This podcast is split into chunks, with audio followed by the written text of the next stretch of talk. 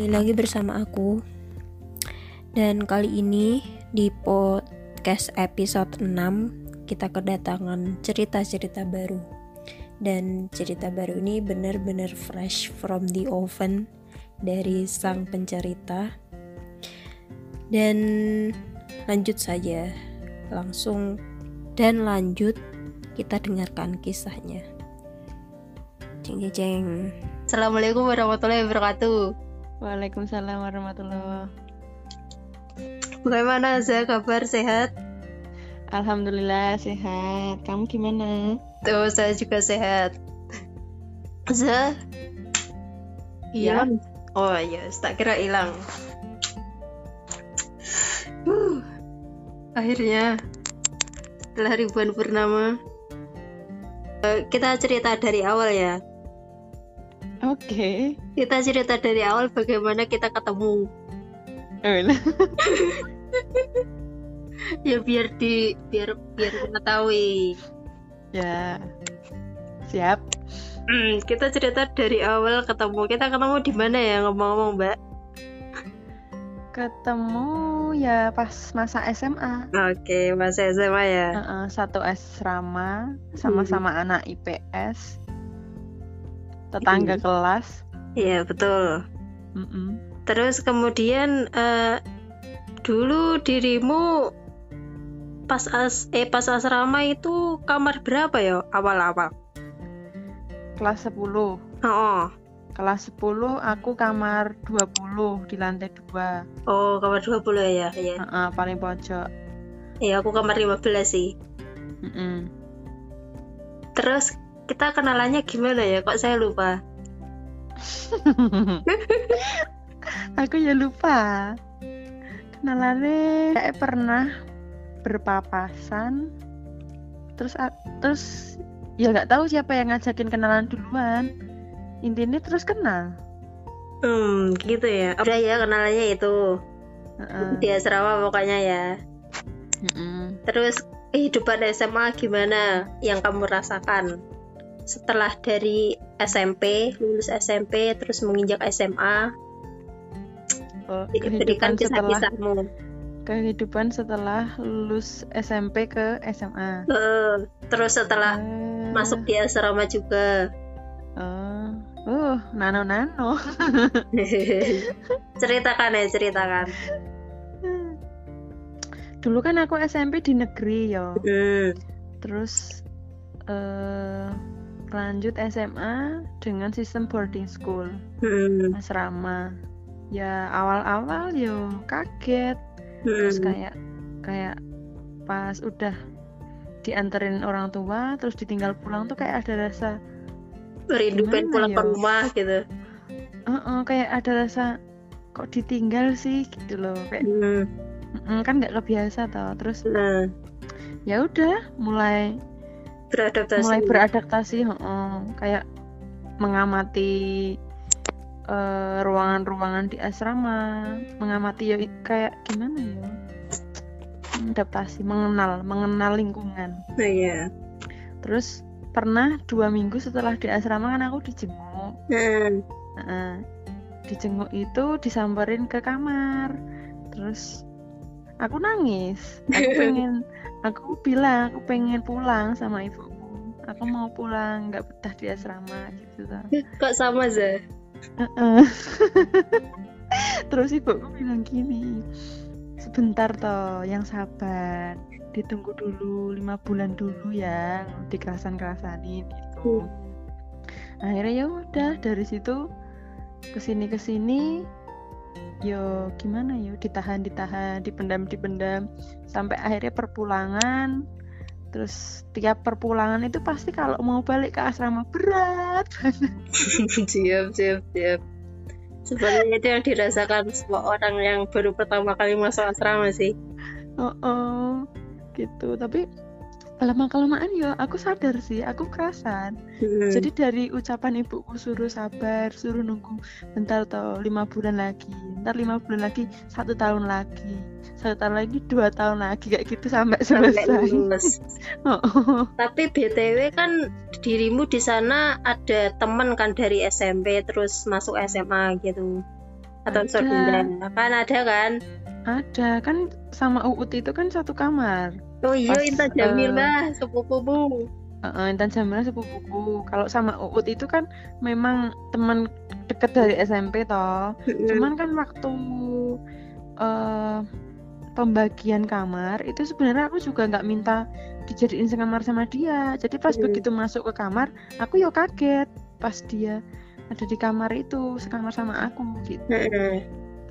Mm-mm. oh Maut dulu juga sekamar ya waktu awal-awal Mm-mm, atau di kamar di kamar 20. ya siap-siap kayak eh aku kenal dirimu sewaktu kenalan karo Intan Jamila deh kan Kayak eh kayak dirimu kan Kayak deh. satu kelas sama Intan terus yo cedek sebelahan kamar. toh. terus di asrama oh sebelah Sebelahan. kamar terus di asrama kayak dirimu sering bareng kan Hmm. Nah aku kan sering beberapa kali kadang main ke kamar Intan juga toh Iya, kayaknya tangga kamar sih, gara-gara tangga kamar.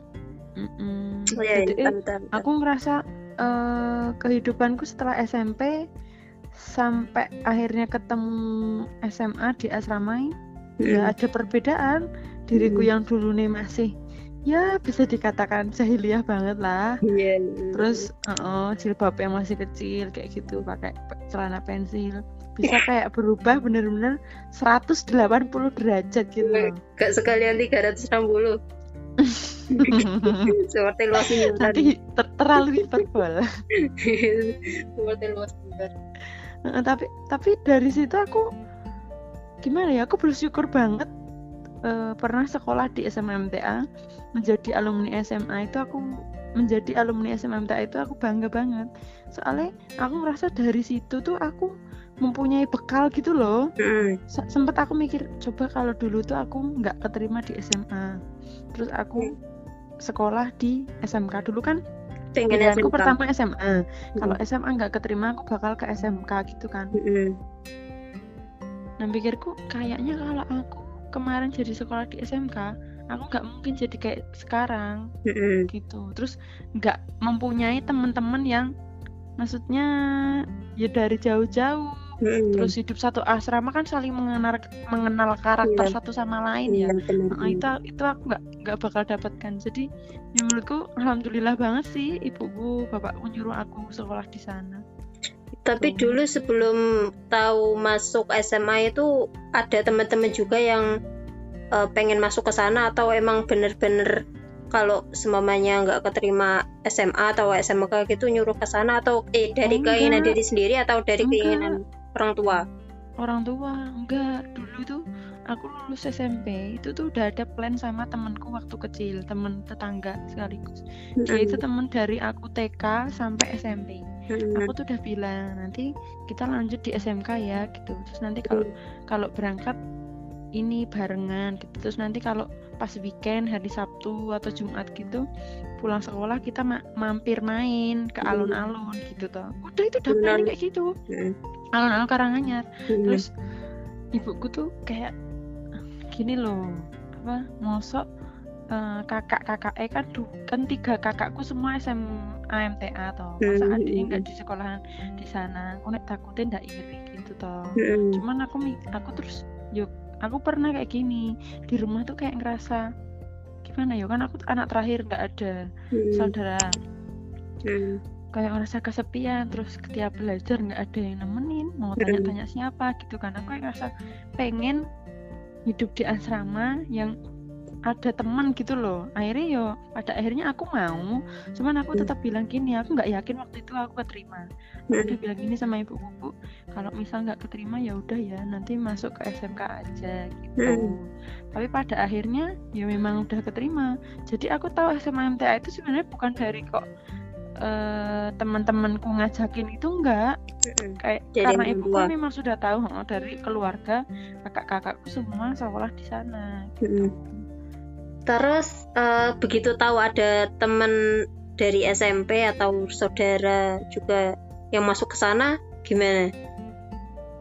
ya seneng ada temen Oh iya, saya kalau sama Intan itu kan aku memang udah tahu karena dia kan juga apa tanteku kan bilang kalau mau masukin dia ke SMA jadi ini yo tiap ke perpulangan gitu kan aku kadang Iya. dijemput bareng sama Intan oh, balik juga bareng gitu. Oh iya baru ingat. Eh, dari SMP berarti udah ngaji. dari SMP Nah, atau dari kecil? Ngaji apa lagi? Ngaji TPA nga- ngaji ngaji ke cabang, ngaji ke cabang. ngaji ke cabang. Ngaji ke cabang udah. Aku alhamdulillah eh, masuk MTA yo karena keturun karena gimana ya? Karena warisan sih. Karena warisan. Jadi aku dari lahir ya istilahnya udah jadi orang MTA Mhm, Heeh, ngikut ibu bapak. Mhm, jadi waktu kecil ya TPA mhm. terus mulai jilbab mulai pakai jilbaban itu kelas 4 SD cuman itu ya masih lepas-lepas gitu. Mhm, Nah, terus padahal dulu waktu SD itu aku di MI loh sebenarnya. Mhm, sempat belajar bahasa Arab mhm. belajar Iqra belajar Quran. Tapi nggak tahu kenapa nyantol, Hah? nyantol gak? Nyantol gak? Nya- nyantol nyantol. Aku seneng sama gurunya. Nah, itu waktu itu kan awalnya di negeri terus aku Mm-mm. nggak betah toh. Terus aku dipindah ibuku ke MI. MI nah ke MI itu niatan ibuku dipindah ke situ tuh biar aku bisa belajar Al-Quran. Nah nanti rencananya mau disekolahkan di SMP MTA Hmm, tuh. Terus pas udah lulus aku tuh kan memang memang belum memang belum mengenal SMP MTA yo.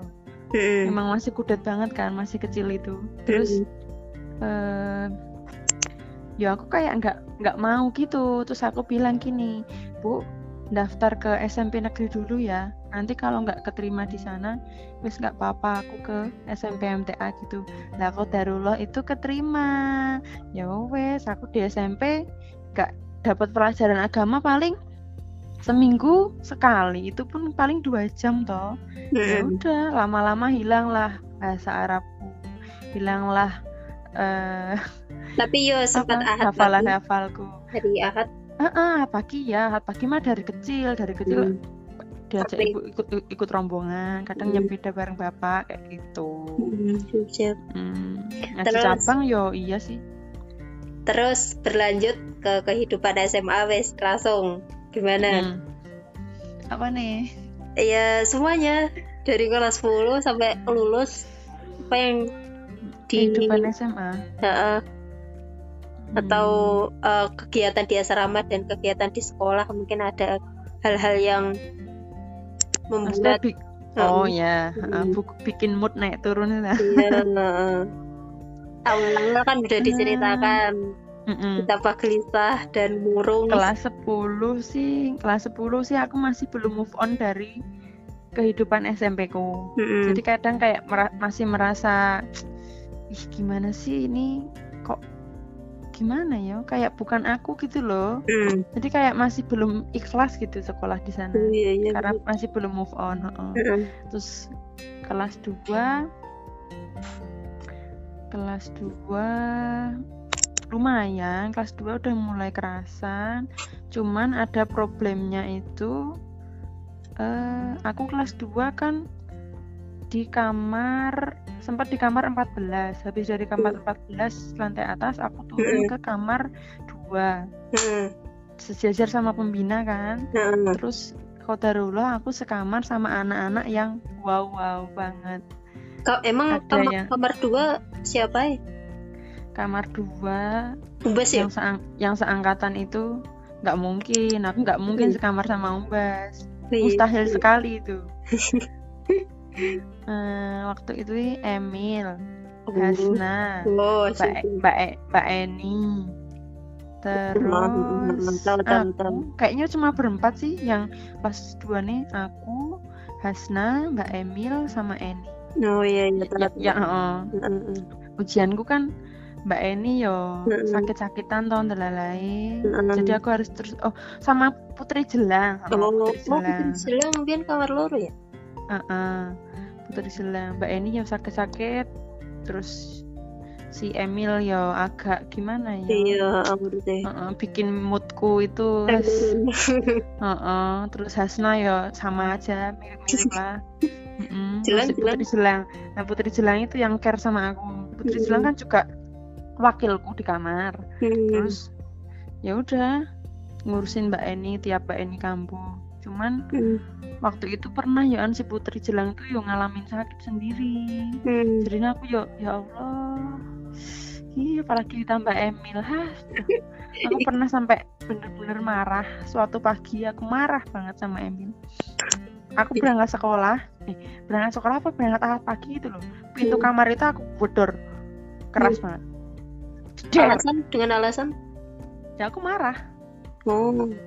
Marah aku marah Emil. dengan Emil heeh. tak lampiaskan soalnya dia ngomongnya ngegas padahal dia salah Hmm.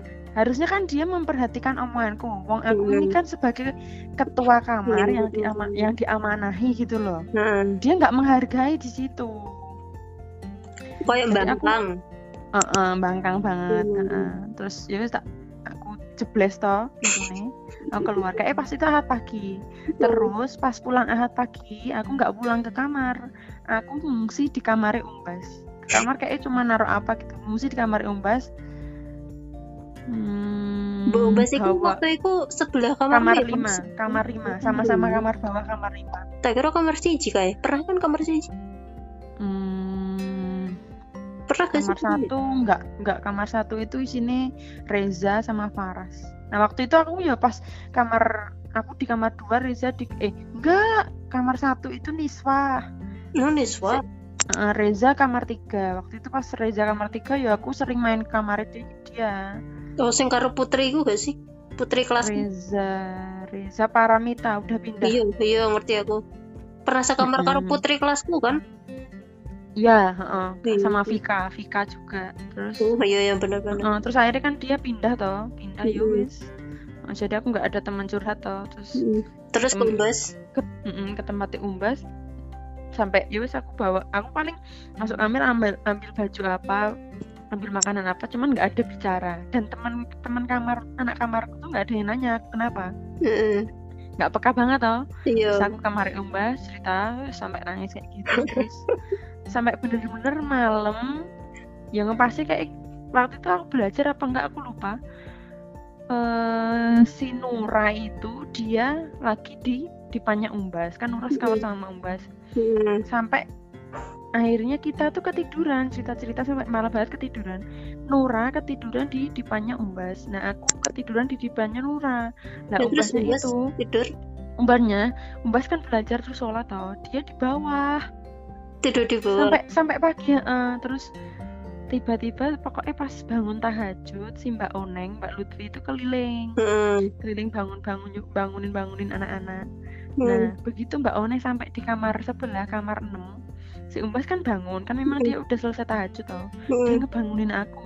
Zah Zah Mbak Oneng Zah Zah. Gitu tuh aku langsung bangun terus panik lah. Kalau sampai Mbak Oneng tahu aku di situ habis lah aku Lah terus akhirnya ketahuan gak oh, kalau Mbak Oni? enggak enggak. Sebelum Mbak Oneng udah deket eh awalnya kayak Mbak Oneng di kamar 7 nah dari kamar 7 kan udah kedengeran suara. Terus pas. Mbak Oneng begitu masuk kamar 6 aku buru-buru keluar kamar. Aku langsung ke kamarku. Nah itu nih sampai aku ketahuan Mbak Oneng habis aku. Iya iya iya. Mm, itu terus, Terus kamar akhirnya baikannya piye? baikannya? Ya nggak ada baikan-baikan Langsung kita nggak ada baikan-baikan. Orang teman sekamarku juga nggak peka. Aku aku merasa aku merasa menjadi eh, ketua kamar yang nggak bisa berkontribusi dengan kamarku itu ya pas kamar dua itu. Iku semester ganjil apa genap? semester ganjil kayak. Hmm, ganjil. terus toh kan waktu itu kan ah, itu kan pas diangkat osis nah Heeh. Arum kan ketua kelasku. Nah, Hmm. dia dia tuh eh ditunjuk jadi- ketua kelas waktu itu pakai vote eh, enggak sih Eh, pakai voting terbanyak karena kan memang satu kelasku dominan anak dari SMP MTA Heeh. terus ya aku ngikut toh yo karena Hmm. suaraku kan nggak nggak dominan Heeh. akhirnya pas Arum menjabat jadi jadi osis itu kan dia harus ya karena dia kan memang takut nggak bisa mengurusi kelasnya Heeh. terus akhirnya dia eh, izin anu izin nggak izin melepas jabatan ketua kelasnya itu loh Mm-mm. Nah itu dia minta aku buat nerusin. Itu udah dimasuk semester genap. Nah, aku kan 11. aku aku uh-uh, aku udah bilang rumah aku nggak bisa. Tuh. Bisa ya kamu bisa. Terus sampai Arum tuh ngomong sama Bu Setio. Akhirnya aku dideketin sama Bu Setio. Terus ya wes. terus pada jadi Tahu-tahu- ketua kelas? Uh, tahu-tahu aku sempat jadi ketua kelas. Dan itu posisi aku masih kamar dua ya Allah. Bebanku waktu itu jadi pengurus. Kamar dua ujianku kayak gitu. Ketua ketua kelas. Astagfirullahaladzim ujian terberat. Sing sabar Heeh, gak itu pas kelas kelas 11 itu Mm-mm. eh, teman-teman kelasku kan ya kayak gitu toh kebanyakan yang dominan kan Lajo iya yang paling nyebelin tuh kayak rombongannya Syafira iya. Raras iya. eh sebutin semua. Coba. Tendri. Aku lupa itu. Eh Hasna itu terus terusan laju kan? Hmm, Hasna laju Emi laju Laju Mm-mm. tapi saya bikin aku emosi banget yo. Itu sih yo si Syafira itu. Soalnya pas aku ngadain rapat pengurus padahal Syafira itu kan nggak pengurus kelas. Nah, dia itu ikut nimbrong gitu loh. Dan bikin yo hancur. Aku ngerasa gimana yo? Arum itu menyerahkan jabatan ke aku tapi teman-teman di di kelas itu kok ya nggak bisa gak menghargai nggak bisa menghargai aku gitu loh. Hmm. oh aku aku ki ketua gitu nggak bisa. Jadi aku sampai aku sampai benar-benar kadang nangis di kelas terus sampai pulang ke asrama yo tak lampiaskan ke teman-teman kamar kayak gitu loh kesalahan ya Nek sekelasku paling aku deketnya karo deketnya karo Arum. Heeh. Tapi aku curhat paling sama siapa ya? Sama Umbas Heeh. sama siapa ya? Sing di kelas sing di kelas deketnya karo sapa selain Nek Arum dulu nek, nek dulu Reza, Reza udah pindah. Heeh. paling karo Arum, Salma, oh iya sama ya sama mm Wahi, iya wahi. Mm Nah teman-teman kelas ki gak nggak ngeh ngono loh, nek aku nangis ki nggak ngeh. Sampai pada akhirnya eh, naik ke kelas 12 Kelas Mm-mm. 12 kan udah pindah ke asrama satu satu. heeh. Kodarullah lagi, aku di kamar ditaruh di kamar bawah aku udah stres banget tau ya Allah aku tuh sampai bilang sama mbak mbak mbak mbak mbak, Oneng. mbak Oneng sama mbak Apip mbak maksudnya jangan di kamar bawah aku udah memohon memohon mbak maksudnya jangan ditaruh di kamar bawah please aku terus Mbak Oneng itu gini, dia mengira karena aku kan memang dulu deket sama Bina yo dan sering Mm-mm. membantu kan. Hmm. Nah, Mbak Oneng tuh menaruh aku di kamar bawah.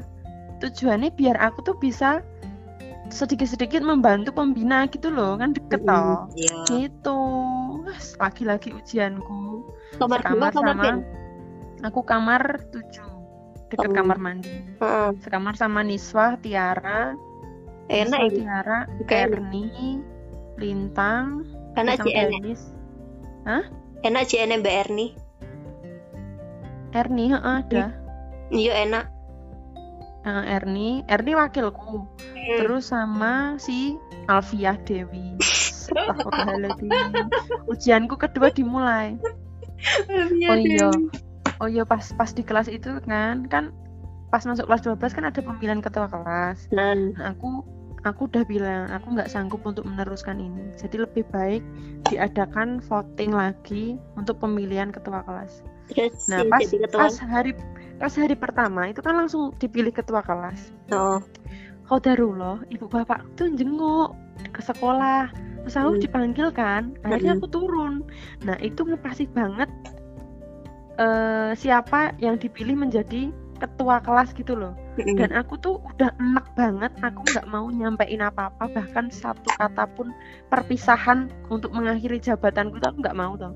Iya. Akhirnya ya alhamdulillah banget, aku rasa ya Allah, aku diselamatin sama Allah. Terus aku turunlah nemuin bapak ibuku tak lama-lama nih sekalian biar aku masuk kelas udah terpilih ketuane aku tinggal manut gitu Terus akhirnya yang jadi ketua? Mbak Buddha Giwa bayangkan seorang Mbak Hmm. Buddha Mbak Puda Giwa lemah lembut gemulai Iya. jadi ketua Mbak kelas Eh, Mbak Buda dia kayak Islima ya? gitu. Mm-mm, Islima Mm. Islima kan waktu itu kan ada perpindahan yang dari anak Lajo eh, enggak sih Oh, ada perpindahan toh nah Islima itu Perpindahan. dominan sama Islima itu dominan sama anak yang Lajo kan dulu awalnya si tiga ya?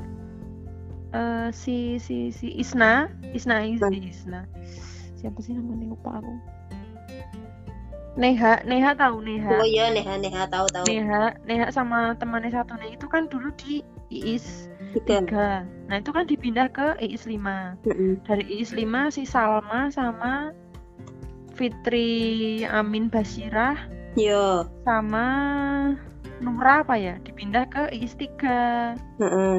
sama L juga. Mm, oh, jadi, kelasku itu Mm-mm. dominan sama anak laju yowes aku anak udah kelas 12 dan nggak menjabat menjadi ketua kelas yowes aku pasrah toh Hmm.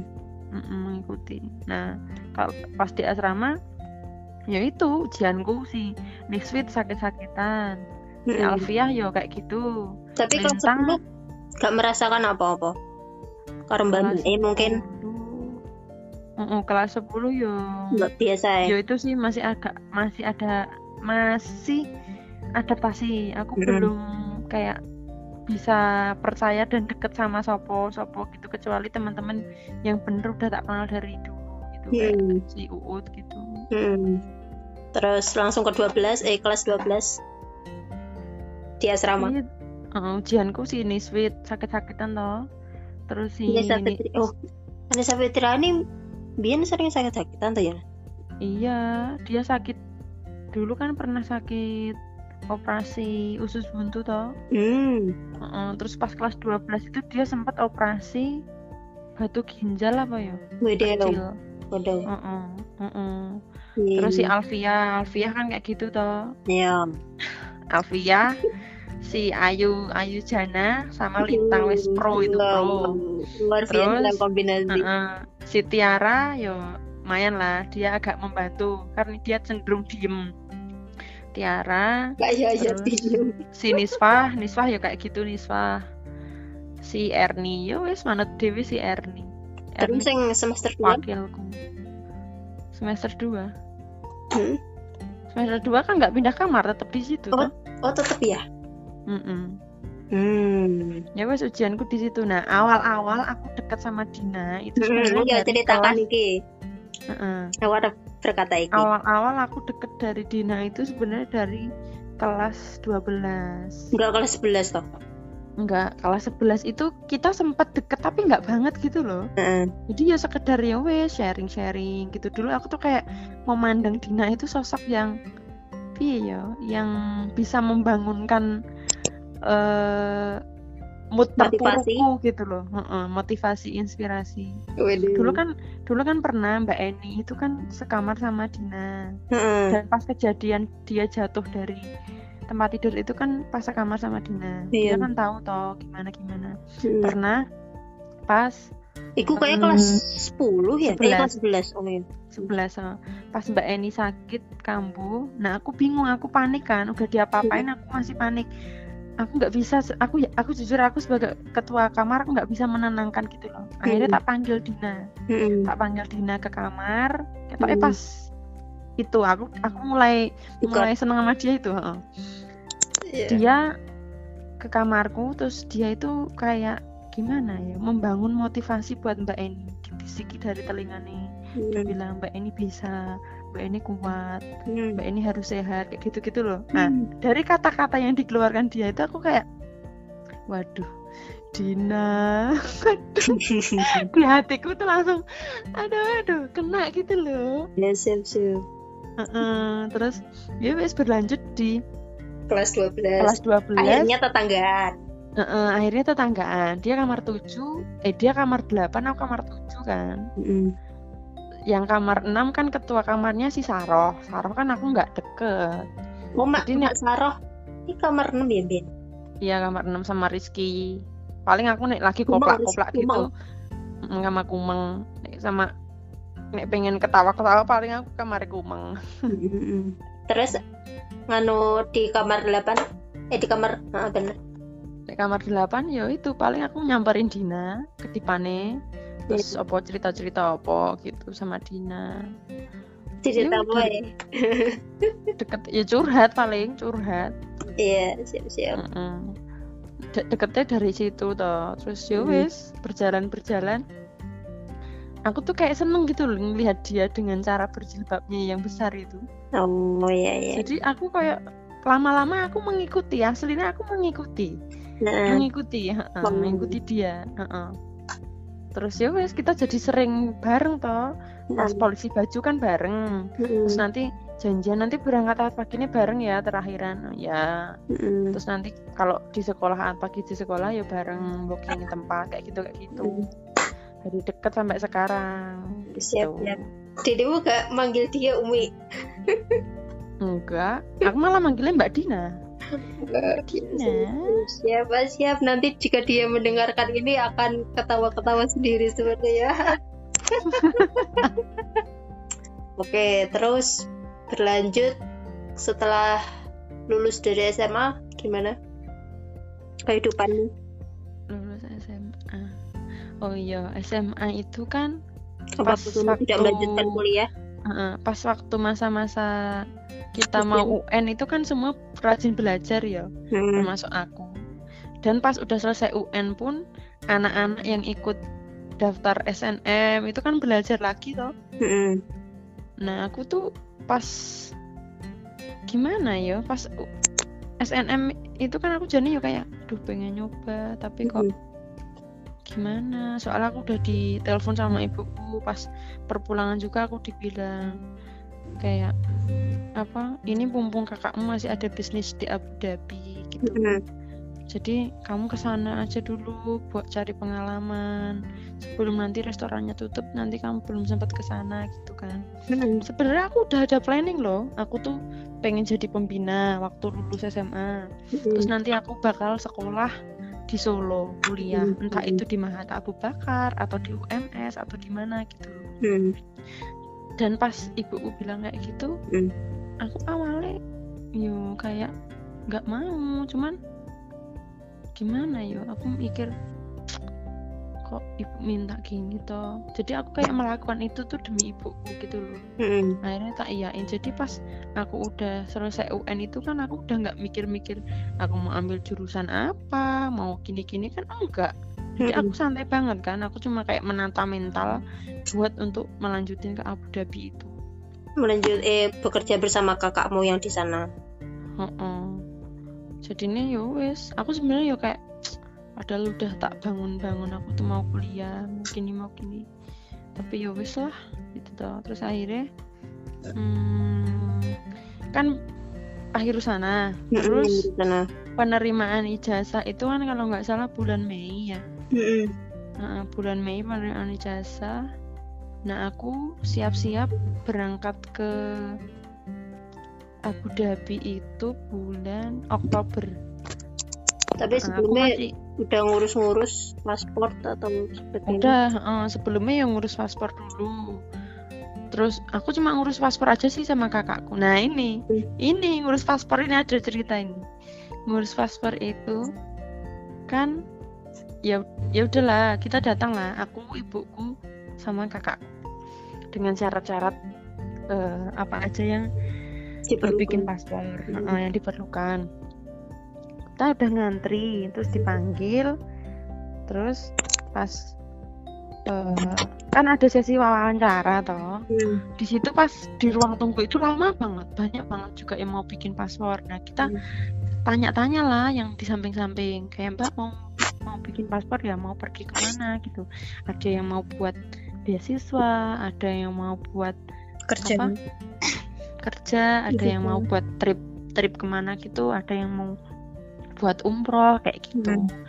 nah itu tuh dari cerita-cerita eh, gimana ya kalau wawancara dengan eh, yang bapak-bapak itu tuh lebih mudah gitu loh. Hmm. tapi kalau sama yang ibu-ibu tuh agak dipersulit gitu. Nah aku udah batin kan dalam dalam doaku juga ya Allah moga-moga nggak dapet sama si ibu itu. Kan ibunya satu bapaknya tiga. Mm-mm. eh lah kok kodarullah ya? Aku dipanggilnya sama si ibu itu. Terus? Ya wes saya aku maju iya. sendiri bapak eh bapak kakakku sama ibu nunggu di kursi. Aku maju kan terus ditanya mbak mau bikin paspor ya?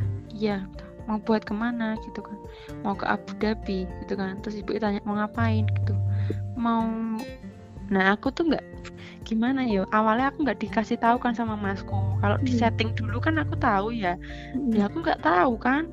Anak lulus SMA polos-polos ya aku Hmm. jawab jujur lah. Aku Hmm. bilang buat paspor itu mau buat kerja gitu. Terus ibunya bilang lah surat dari itu loh yang surat kerja surat uh, uh, uh, yang dari menteri kerja dan apa itu loh? Oh Kementerian Departemen- Ketenagakerjaan uh, uh, uh, uh, kan harus ada itu. Itu ditanyain lah mana? Toh nggak ada. Toh lo ini nggak bisa. Kalau mau kerja ya harus ada itu gitu toh. Terus Mm-mm. kan kelihatan debat toh. Akhirnya Hmm. kakakku maju terus kakakku bilang sama ibunya bu ini tuh bukan mau kerja dia tuh mau visit saya tuh tinggal ke sana saya itu tinggal di sana gitu. Kakakku bilang gitu toh. Ibunya marah bilang gini lu gimana toh? Tadi katanya bilang kerja ini bilang visit yang bener yang mana? Akhirnya ibunya marah terus nomor yang antrian aku nunggu lama tadi disobek. Kan kalau nomor itu disobek udah nggak bisa toh harus Hmm. ngantri dari awal. Hmm. ya wes akhirnya aku sama kakakku disuruh nemuin pimpinan di situ pimpinan di imigrasi Hmm. akhirnya masuk aku sama kakakku di pimpinan imigrasi ditanya ini mau ngapain gitu mau visit pak lah aku aku dimarahin lah tadi Hmm. kenapa kamu nggak bilang kalau mau visit lah aku nggak tahu orang nggak dibilang mau aku taunya di sana itu aku mau kerja tak gituin Hmm. toh Hmm. terus sama pimpinan itu eh kalau ditanya gini lah kalau mau visit ini walinya siapa? Gitu. Hmm. ya ini kakak saya walinya. Gitu. Terus kayak waktu itu ditanya eh, semacam ID card bahwa kakakku itu benar-benar tinggal di Abu Dhabi gitu loh. Hmm. nah kebetulan kakakku itu nggak bawa nggak bawa ID cardnya itu. Akhirnya eh, kita suruh buat semacam surat pernyataan Hmm. bahwa nanti pas di Abu Dhabi itu aku itu ada wali yaitu kakakku itu tadi Hmm. itu akhirnya udah selesai dari situ Hmm. kita ke ke ke ke ke pe- fotokopi ke tempat Hmm. fotokopi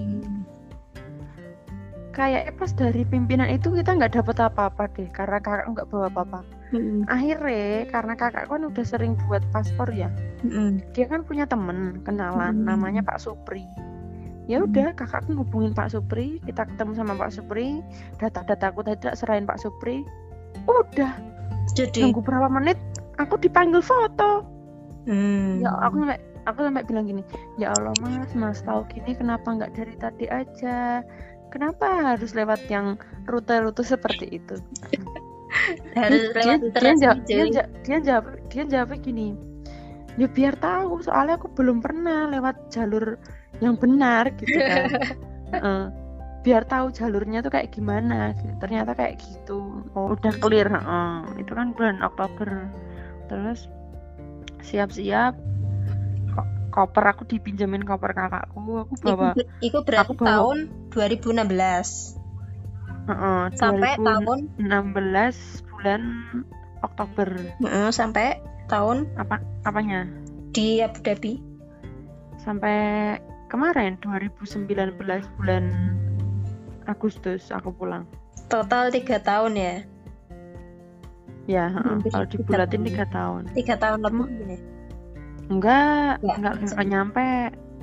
Heeh, terus Hmm. kan waktu itu kan aku kan dikarenakan durasinya sudah hampir berapa ya? Hampir 38 menit atau hampir 40 menit. Sepertinya harus kita jeda di part 2 dan tunggu saja part 2 nya pasti akan segera diupload. Dan selamat mendengarkan teman-teman yang setia mendengarkan. Eh nggak ding. Sepertinya nggak ada yang dengerin. Hehe Oke, sampai bertemu lewat udara lagi pada episode 6 part 2. Masih serangkaian episode 6 sih.